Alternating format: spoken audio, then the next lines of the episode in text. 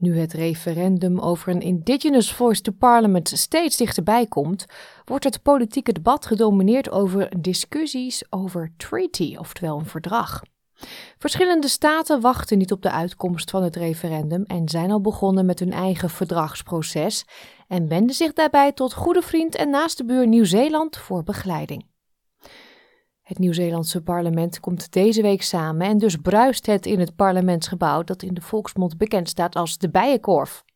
Twee maanden na de federale verkiezingen blijkt uit peilingen dat de steun voor de Labour-regering afneemt. Kleine partijen winnen juist aan populariteit.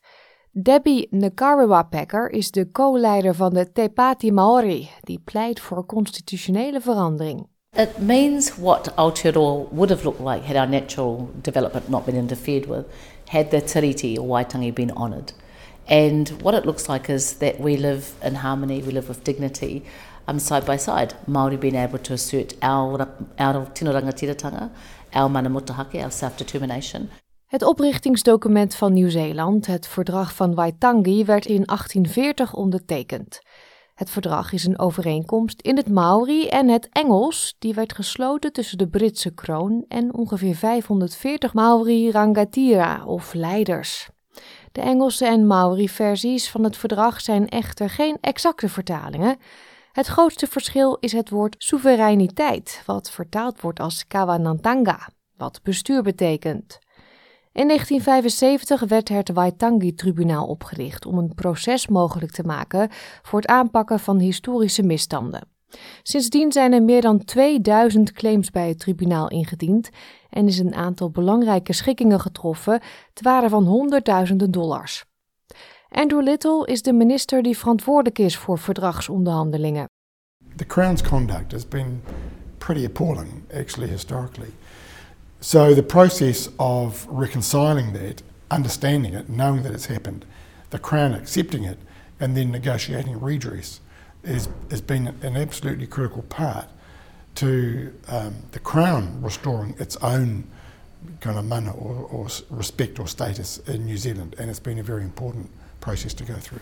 I commit to the Uluru Statement from the Heart and Soul. Dat was premier Anthony Albanese die zich committeerde aan Labour's belofte van Voice, Treaty and Truth tijdens zijn overwinningstoespraak op verkiezingsavond bij de laatste verkiezingen.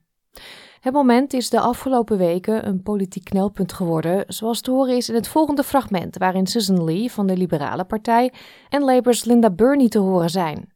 Does the Minister for Indigenous Australians support a treaty with financial compensation paid by the Commonwealth?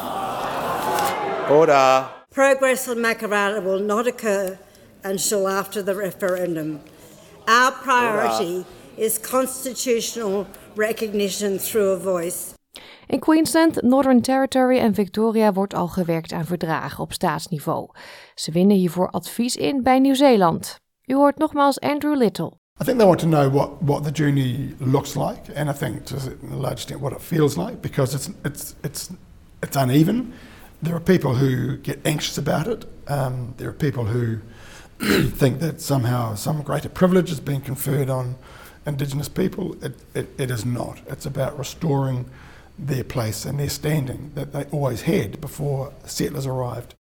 Naast een verdrag zijn er zeven aangewezen Maori-zetels in het parlement van Nieuw-Zeeland, waarbij de parlementsleden worden gekozen door Maori-kiezers, die ervoor kunnen kiezen om ook op aparte kiezerslijsten te stemmen. Het is geen voice to parliament, maar een voice in parliament. Deze Nieuw-Zeelandse burgers staan volledig achter de doelstellingen van het verdrag van Waitangi. Without it, I'd hate to think where, where we were, where we would be. The land that that government is built on is, an, is, is Indigenous land. Why shouldn't they have a voice in how it's managed and governed and how Indigenous people are managed and governed? Australië en Nieuw-Zeeland hebben een heel verschillende geschiedenis en terwijl het referendum over een Indigenous Voice nadert, reflecteren zowel Debbie en Gariwa Packer als Andrew Little over de weg naar verzoening van Nieuw-Zeeland. Even though the treaty is not honored to the extent that it should be in Aotearoa, it is the threshold that we aim for. And if you keep your threshold low on how you're going to treat each other, then you know, that, that becomes not aspirational at all. People will feel anxious, people will feel uncomfortable. People will be asked to kind of step outside their comfort zone. That's what the process of reconciliation, of national reconciliation, feels like. Um, but it's nothing to fear. It is important to be engaged in the debate. Ondertussen gaat het debat in eigen land gewoon door. Dit was een verhaal van Sarah Tomewska vanuit Wellington in Nieuw-Zeeland voor SBS Nieuws. In het Nederlands vertaald door SBS Dutch.